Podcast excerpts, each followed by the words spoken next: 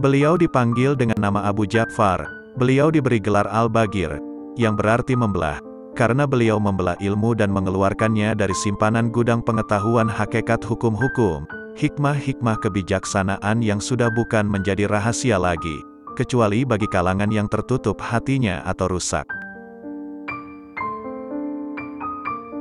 Al-Imam Ibnul Madini telah meriwayatkan, dari Jabir bin Abdullah, semoga Allah meridoinya, bahwa beliau berkata kepada Imam Muhammad Al-Bagir yang masih berusia anak-anak saat itu, Rasulullah berkirim salam kepadamu.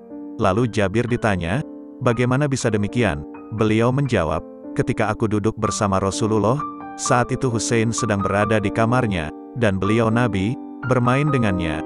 Kemudian Rasulullah bersabda, Wahai Jabir, kelak akan terlahir anaknya yang bernama Ali.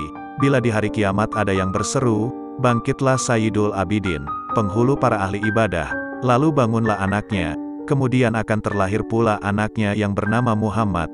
Bila kelak engkau bertemu dengannya wahai Jabir, sampaikanlah salamku padanya.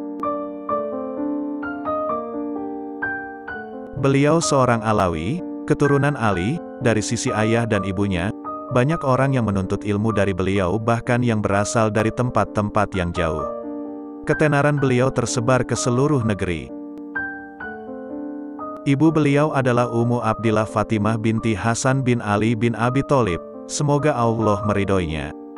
Beliau diberi julukan Abu Ja'far, terlahir di kota Madinah pada hari Jumu'ah, tanggal 2 Safar tahun 57 Hijriah, kira-kira tiga tahun sebelum terbunuhnya Imam Hussein, semoga Allah meridoinya.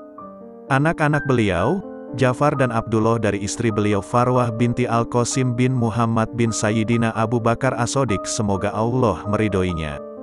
Begitu juga Ibrahim, Ali, Zainab, dan Umi Salamah. Beliau meninggal di kota Madinah tahun 114 atau 117 atau 118 Hijriah. Kubur beliau di pemakaman Baki, di sebelah ayahnya dalam Kuba Abbas beliau berwasiat agar dikafani dengan gamis yang biasanya beliau pakai untuk sholat. Berikut untayan nasihat Al-Imam Muhammad Al-Bagir. Tidaklah rasa kesombongan meski sedikit masuk ke hati seseorang, melainkan akalnya telah berkurang seperti kadar kesombongan yang masuk padanya atau mungkin lebih banyak.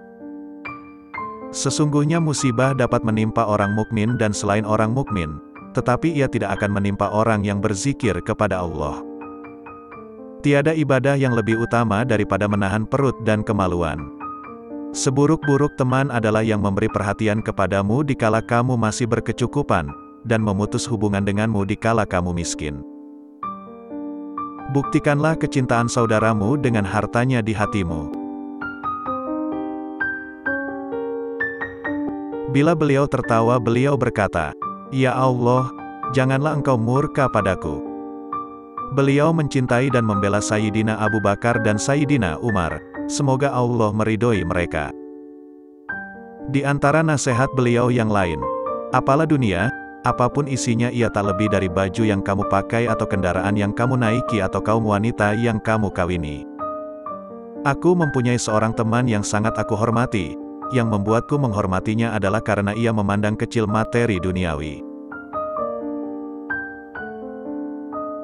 Beliau pernah berwasiat kepada anaknya, Wahai anakku, janganlah kamu malas dan jengkel karena keduanya adalah kunci segala kejahatan.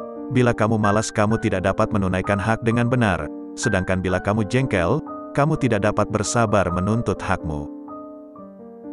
Bila kamu menginginkan kenikmatan itu langgeng, maka perbanyaklah tahmid dan bersyukur kepada Allah atas nikmat itu.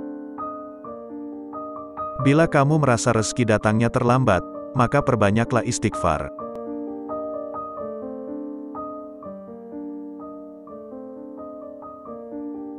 Bila kamu merasa sedih karena sesuatu, maka perbanyaklah membaca. La haula wa la quwwata illa billah. Bila kamu takut terhadap sebagian orang, maka bacalah. Hasbunallah wa ni'mal wakil. Kamu takjub terhadap sesuatu, maka ucapkanlah. Masya Allah la quwwata illa billah. Bila ada orang yang berbuat makar terhadapmu, maka bacalah. Wa ufawwidu amri illallah, innallaha basirum bil ibad. Bila kamu kesusahan, maka bacalah.